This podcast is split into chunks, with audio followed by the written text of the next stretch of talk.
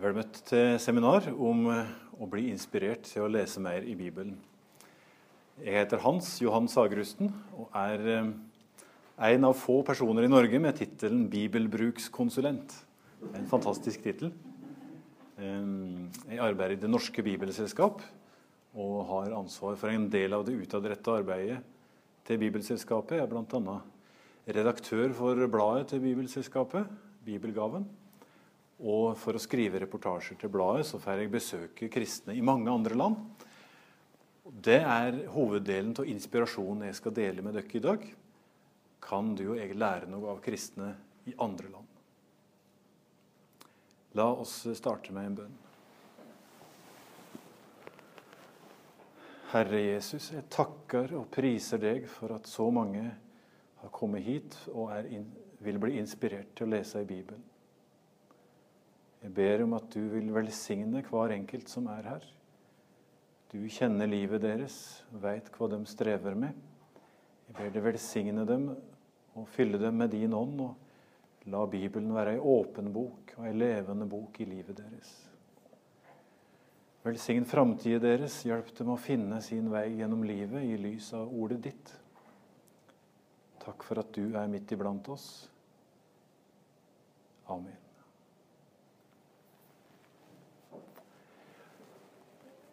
Jeg har gjort meg litt tanker om denne tittelen der. Jeg tror den er typisk norsk anno 2015. Hvordan bli inspirert? Jeg tror mange kristne i andre land ville sagt, heller formulert tittelen eh, 'Hvordan få innarbeida vanen å lese i Bibelen', eller 'få disiplin i bibellesningslivet'. Men i Norge så skal alt være så inspirert du skal ikke gjøre noen ting uten at du har skikkelig lyst til det. Og Dermed så får vi slike titler som dette der. Men kristen ungdom i Egypt, eh, når jeg spør dem eh, ja, når det er gudstjeneste i kirka di, eh, hvor ofte er du der da? Da kikker de helt sånn uforstående på meg. Ja, hver gang, så klart. Hva er det du mener? For dem så er liksom regelmessigheten og disiplinen i det åndelige livet mye mer oppøvd enn hos oss. da. Og Det er litt av det jeg skal komme innom i dag. Hvis du skal huske bare én ting fra dette seminaret, her, så skal du huske ordet 'rik'.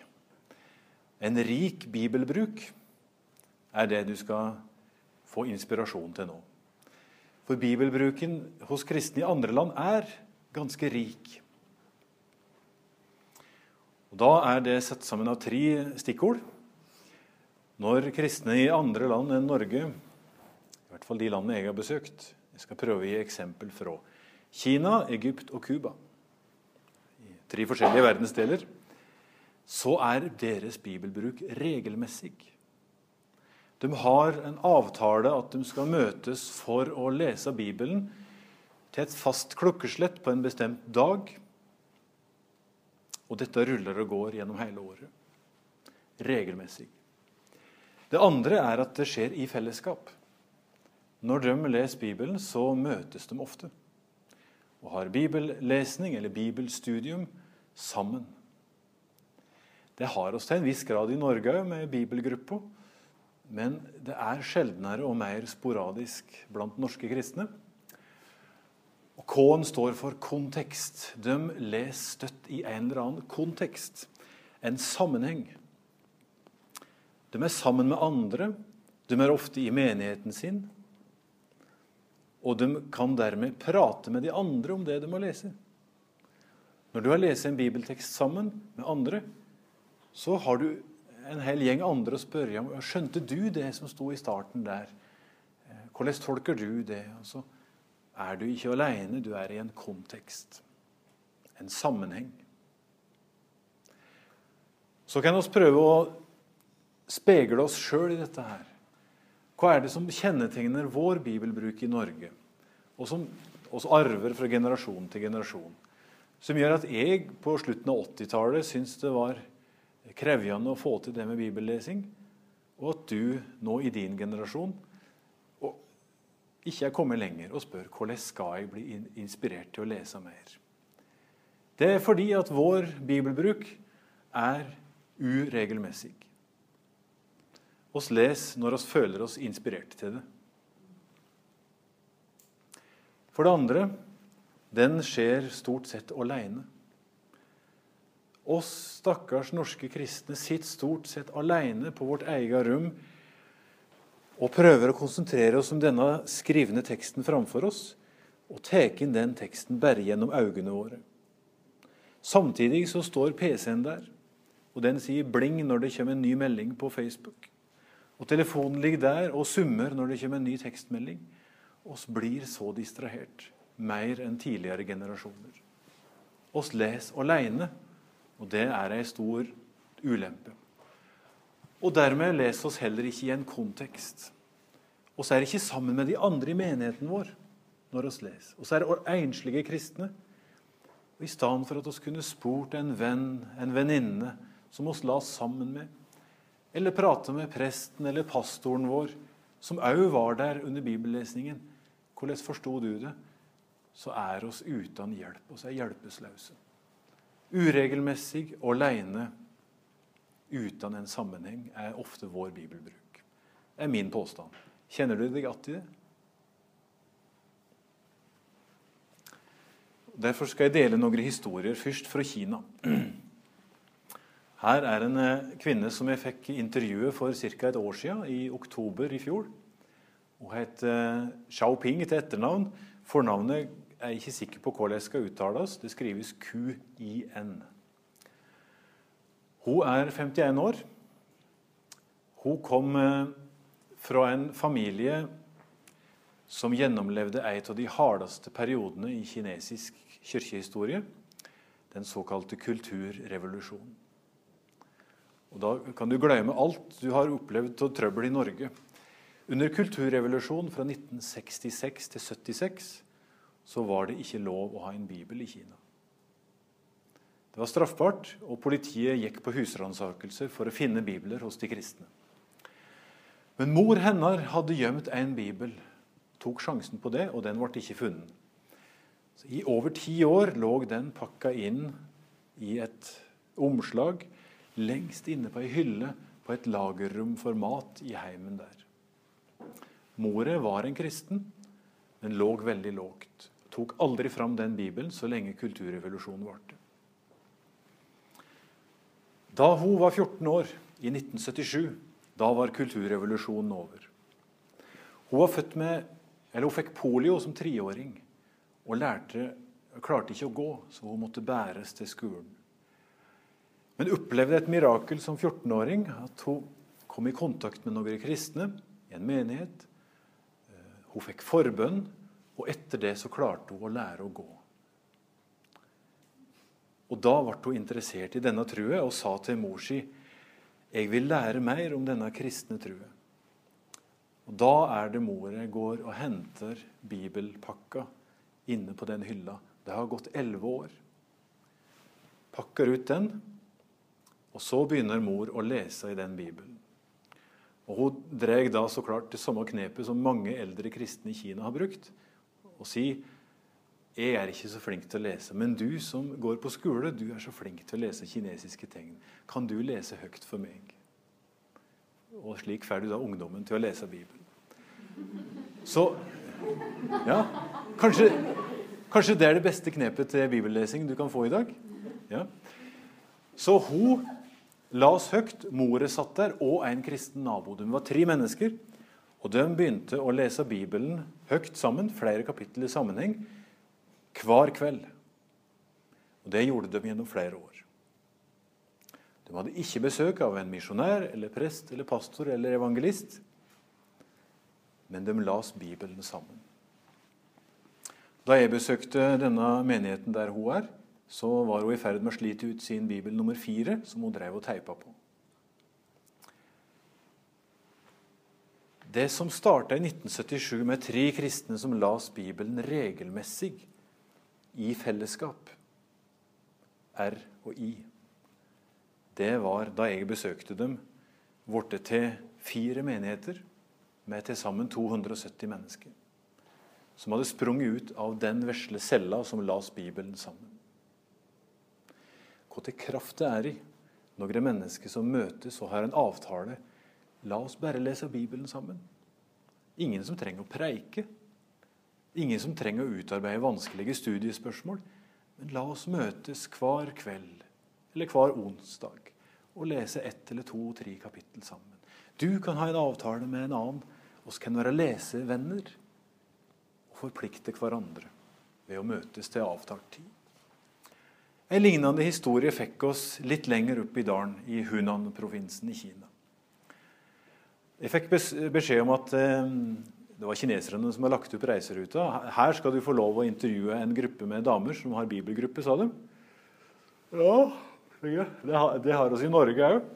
Jeg har sett mange sånne. De møtes hver 14. dag og har høye smørbrød og prater og diskuterer om hvor mye eller lite de har trent siden sist.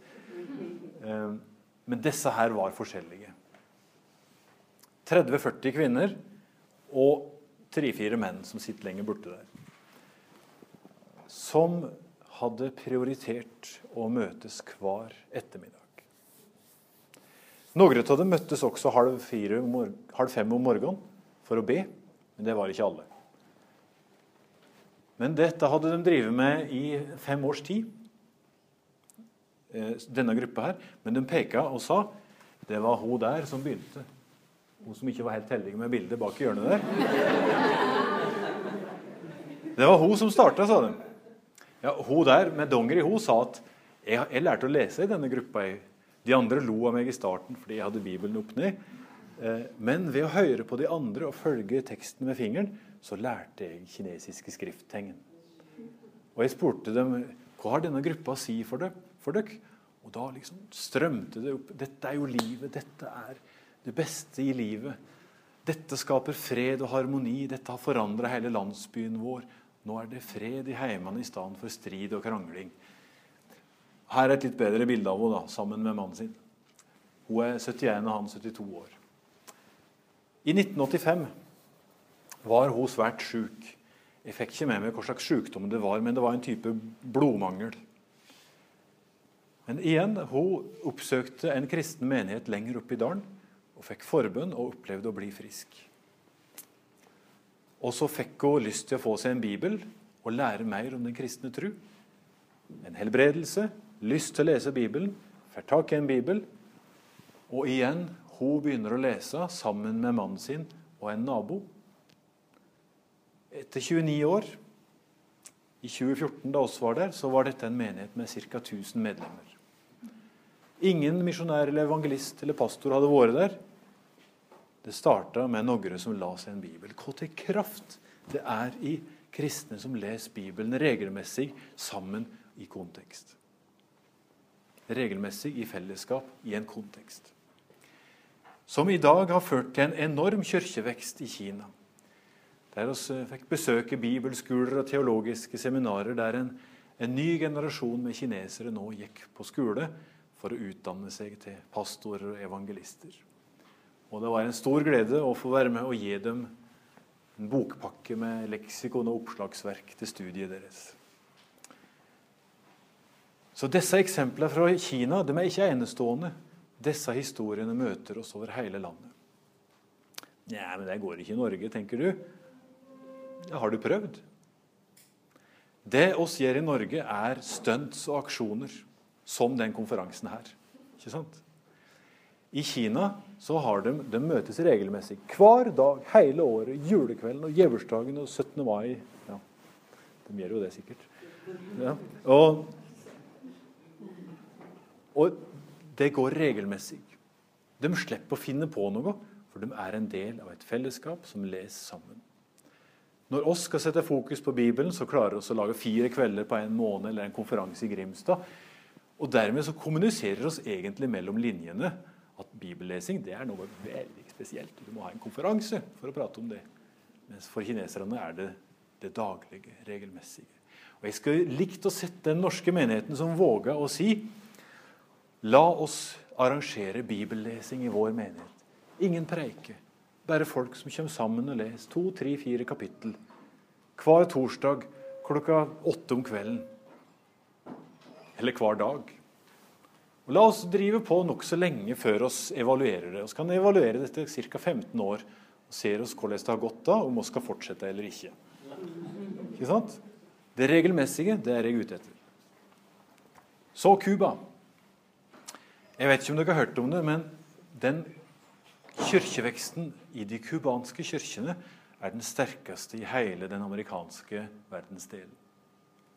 Tallet på kristne, aktive, engasjerte kristne som ønsker seg en bibel, er dobla og mer enn det på ti år. Blant de 11 millioner cubanerne regner en nå at det er ca. 1 million av katolikkene som går til gudstjeneste hver søndag, og 1 million evangeliske kristne. Både pinsevenner og baptister og metodister og adventister og alle slags. To millioner aktive kristne. Her er en situasjon jeg fikk være med lederen i det cubanske bibelselskapet, Alain Montano, på bibelutdeling i ei cubansk kirke. Han mente han hadde nok barnebibler. Det var 700 mennesker der og kanskje 50 unger. Så han tok fram Han hadde ikke varsla det på forhånd. Så han tok fram asken med bibler og begynte å dele ut. Og så hører du rumlingen av føtter som springer. Og jeg tuller ikke. Da gikk gjeteordet i løpet av et lite minutt i gata utafor. Det er bibelutdeling i pinsemenigheten. Da kom det 50 unger til inn fra gata, og deres foreldre. Og Her har Alain gått tom for barnebibler og deler ut hefter med 25 enkle bibelhistorier. I denne situasjonen så er det en enorm mangel på bibler. Vanskelig har det vært i mange tiår å få inn bibler til Cuba. Nå gir oss et rykk. Flere bibelselskap sammen. A Million Bibles for Cuba. En treårssatsing som skal finansiere én million bibler til Cuba. Så får oss høre da hvordan de har hatt det før. En eldre kar som jeg møtte på Cuba for to og et halvt år siden. Han heter Salvador Miranda, 76 år. Han sa i, sånn i forbifarten at ja, min, min, min, tjeneste i menigheten Han var pensjonert metodistpastor. Min tjeneste er jo å kopiere Bibelen, sa han. Da tenkte jeg han må jeg prate med etterpå. Og jeg spurte han si litt mer om det. Du kopierer Bibelen. Har du en kopimaskin? Nei, det hadde han ikke. De har ingenting på Cuba. Det er en sånn handelsblokade som gjør at de mangler veldig mange ting. Nei, han brukte å håndskrive bibeltekster til de nye kristne. For det var jo ingen sensasjon. Slik var det jo i hele byen at det ble mange nye kristne hver søndag. Det var vanlig. Hans oppgave som pensjonert pastor det var å undervise de nye kristne i sentrale bibelske emner på fredag. Så Torsdag ettermiddag og kveld så satt Salvador Miranda med godt gammeldags gjennomslagspapir. slik at du skriver hardt, så blir det tre, fire, fem kopier på et blått og et gult og et sånt ark nedover. Det var biblene de, første, de nye kristne fikk. Håndskrivende ark fra Salvador Miranda. En gang ei side med bibelvers om Den hellige ånd, om bønn, om nåde, om synd. Så han underviste det. Han sa jeg blir jo veldig godt kjent i Bibelen på den måten, sa han. Og jeg holder hjernen i trim. Men det er jo litt tungvint å drive menighet uten bibler. Tenk på det, du som har flere i hylla hjemme. Så møtte jeg henne igjen for tre uker siden. Da var jeg på nytt på Cuba. Nå i eh, begynnelsen til oktober. Da klarte jeg å spore opp Salvador Miranda på nytt og fikk til et raskt ti minutts møte med han. Og spurte hvordan går det nå. Nå hadde han fått seg kopimaskin. Så nå drev han, Det var fremdeles lite bibler, sånn, men nå drev han og kopierte hefter med bibelvers. da. Men han merket det hadde begynt å komme litt flere bibler, så nå, han, nå hadde de litt Nytestamenter å gi til de nye kristne. Det kan inspirere oss til å lese i vår bibel når du veit hvordan de strever i andre land for å få tak i en bibel. Hvordan de reparerer gamle, slitte bibler, håndskriver bibeltekster. Men hans tjeneste med Bibelen var regelmessig og i høyeste grad i fellesskap. Han forsynte fellesskapet med håndskrevne bibeltekster. Så var det en pastor som heter Louis, Louis Raoul, som jeg møtte lengst sør på Cuba da jeg var der nå nylig. Han fortalte hvordan menigheten hans hadde drevet og reparerte bibler i mange år. Og Nå håper de at nå vil det komme flere bibler. De samla inn utslitne, ødelagte bibler fra, fra de eldre kristne, som kanskje mangla flere sider, og de var helt lese i filler. Det er jo mange kristne som deler på en bibel. Mange som, Den går fra hånd til hånd. Og Så vaska de sidene, strauk ut blad, prøvde å sy dem sammen, limte omslaget og fikk noen brukbare bibler å låne ut til de nye kristne i menigheten. Han sa det er jo en kjempefordel for en ny kristen å få låne en bibel som er ferdig understreka. Der står navnet på den forrige eieren, som har markert 'dette bibelverset likte jeg'. Kanskje hun har skrevet 'halleluja' i margen ved noe som var fint.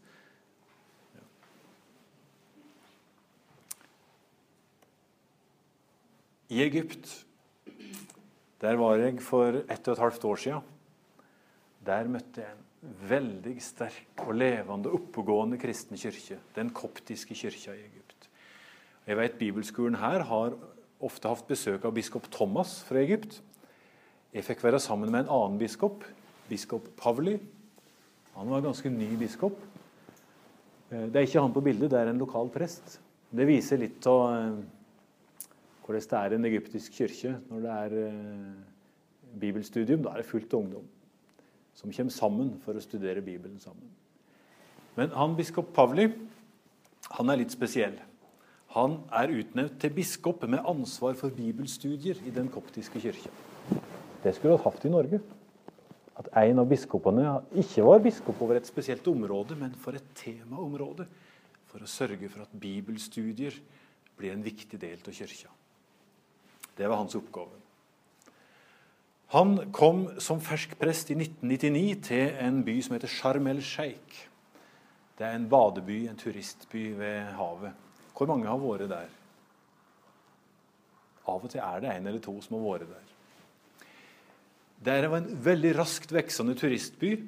Og i dag sa han, er det opptil en halv million unge egyptere som arbeider i turistindustrien. Arbeider på hotell og forskjellige servicenæringer knytta til turister. Mange av disse har kristen bakgrunn.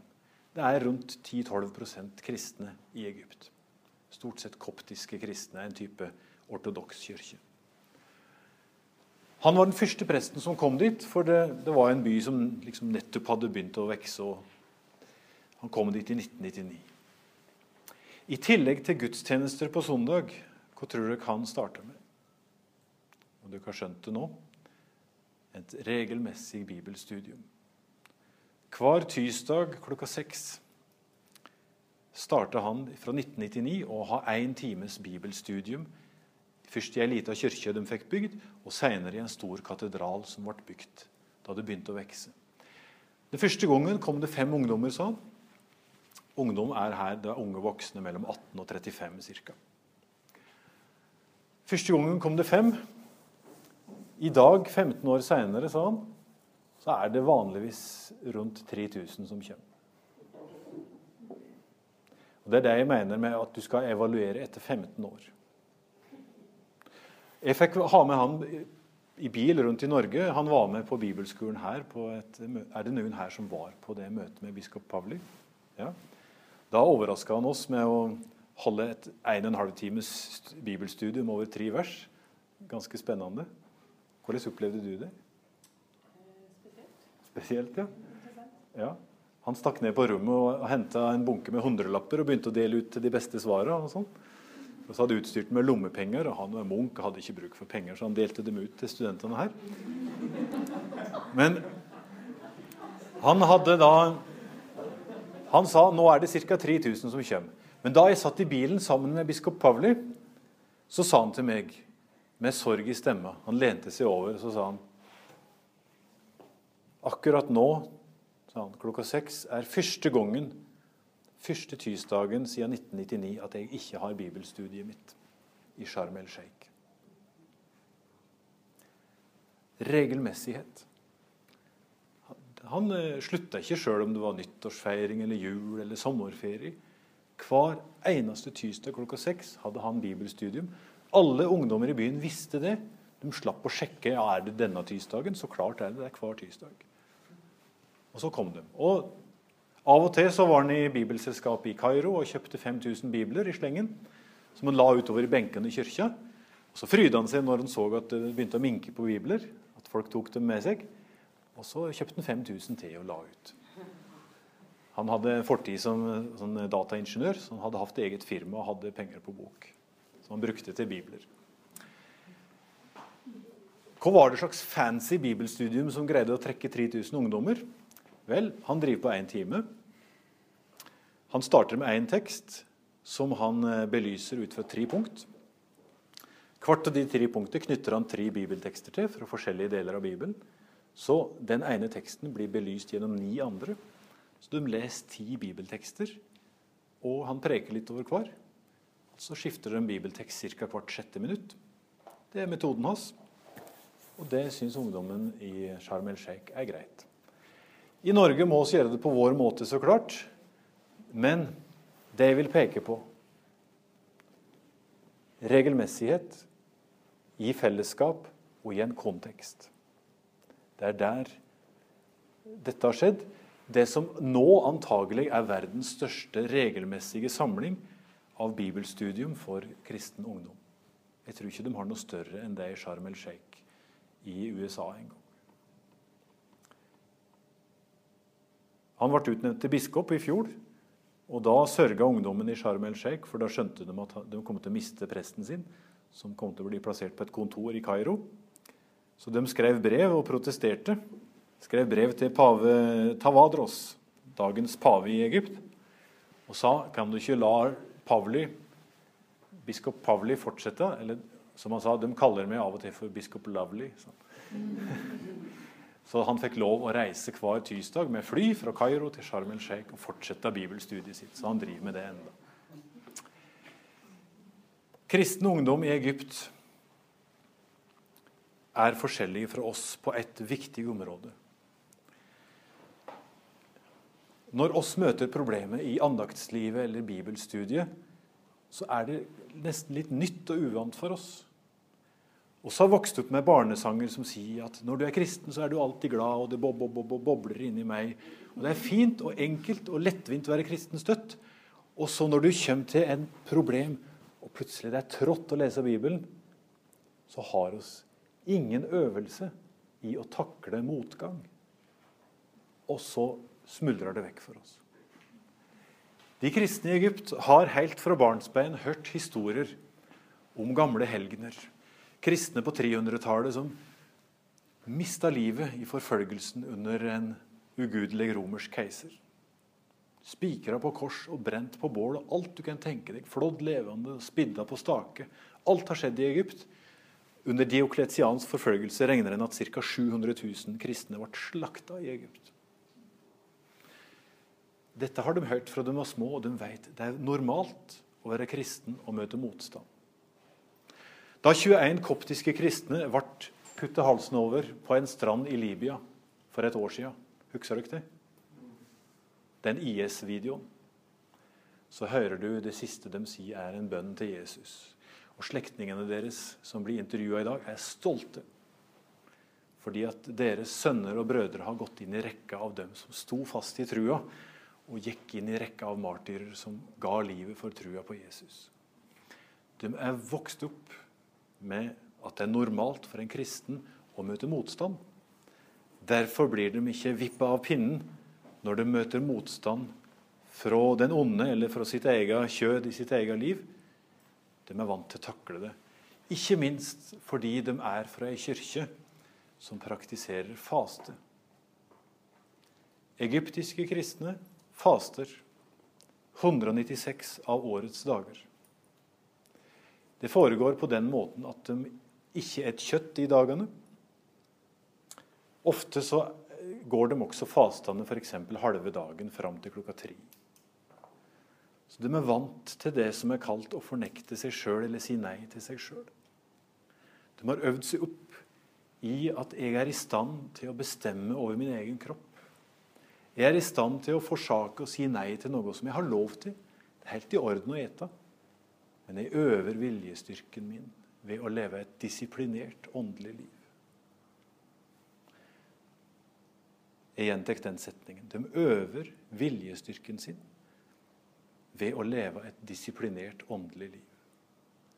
Det er det siste punktet mitt. Om du vil prøve faste hver fredag, eller om du vil disiplinere ditt åndelige liv ved å legge deg til fast tid hver kveld for å ikke være trøtt og uopplagt fordi du har sittet på Facebook til halv to om natta og derfor sutrer av at du ikke klarer å lese Bibelen neste dag. Om du skal på andre måter strukturere livet ditt slik at det koster noe. Jeg har lov til alt, men jeg har valgt å la være å gå på Internett før klokka tolv på dagen, slik at jeg kan ha ei stille stund med min bibel og lese ett kapittel. Klokka ni, klokka ti, klokka tolv. Åndelig disiplin. Derfor reagerer jeg litt på ordet 'Hvordan kan vi bli inspirert?' Liksom. Som om du krever inspirasjon for å lese Bibelen. Kristne i andre land er disiplinerte, regelmessig, i fellesskap, i kontekst. Det er en rik bibelbruk. Og nå kunne jeg nyansert en hel masse, men det har vi ikke tid til. Det var dagens seminar om bibelbruk, bibellesing. Jeg håper dere kunne plukke med dere litt. Eh, forresten, jeg må ta med én ting. Pave Tavadros han var på besøk i Norge i juni 2014. Han kom med det beste rådet for bibellesning jeg har hørt i hele mitt liv. og Det er veldig enkelt. Han var i en samling med 100 norske kirkeledere. Biskoper, pensjonerte biskoper, generalsekretærer og ledere i mange kristne organisasjoner. Og da var det unge Sagrusten rett opp hånda og sa Your Holiness, som han skal tituleres. Kunne du være så snill å komme med et råd til bibellesning og si litt om hvordan egyptiske kristne leser Bibelen? Og Da ble han kjempeglad og ga et svar på fem minutter.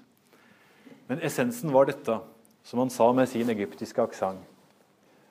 Uh, my advice to all Christians, to the families, the students, the young couples, the elderly, is you must never close the Holy Bible. You must never close the Holy Bible. You must remain the Holy Bible open at all times. Du skal aldri lukke Bibelen, og det mente han helt fysisk. Når du er ferdig med å lese, så skal du remain the Holy Bible open. Den skal ligge åpen på bordet. Da trenger du ikke å anstrenge deg for å vitne hvis det kommer et menneske på besøk. Når de ser det ligger en åpen bibel i huset, så skjønner de at dette er en viktig bok i dette huset. Og den åpne bibelen ligger der etter vår tru som ei levende bok, et levende vesen. Som ligger på bordet og følger deg med blikket når du går forbi skal du ikke snart bruke litt tid med meg igjen? Den åpne Bibelen kaller deg til å fortsette å lese. Det er det beste rådet for bibellesing jeg har å komme med. Så det var innspill fra Egypt, Kina, Cuba og litt fra meg sjøl. Takk for nå.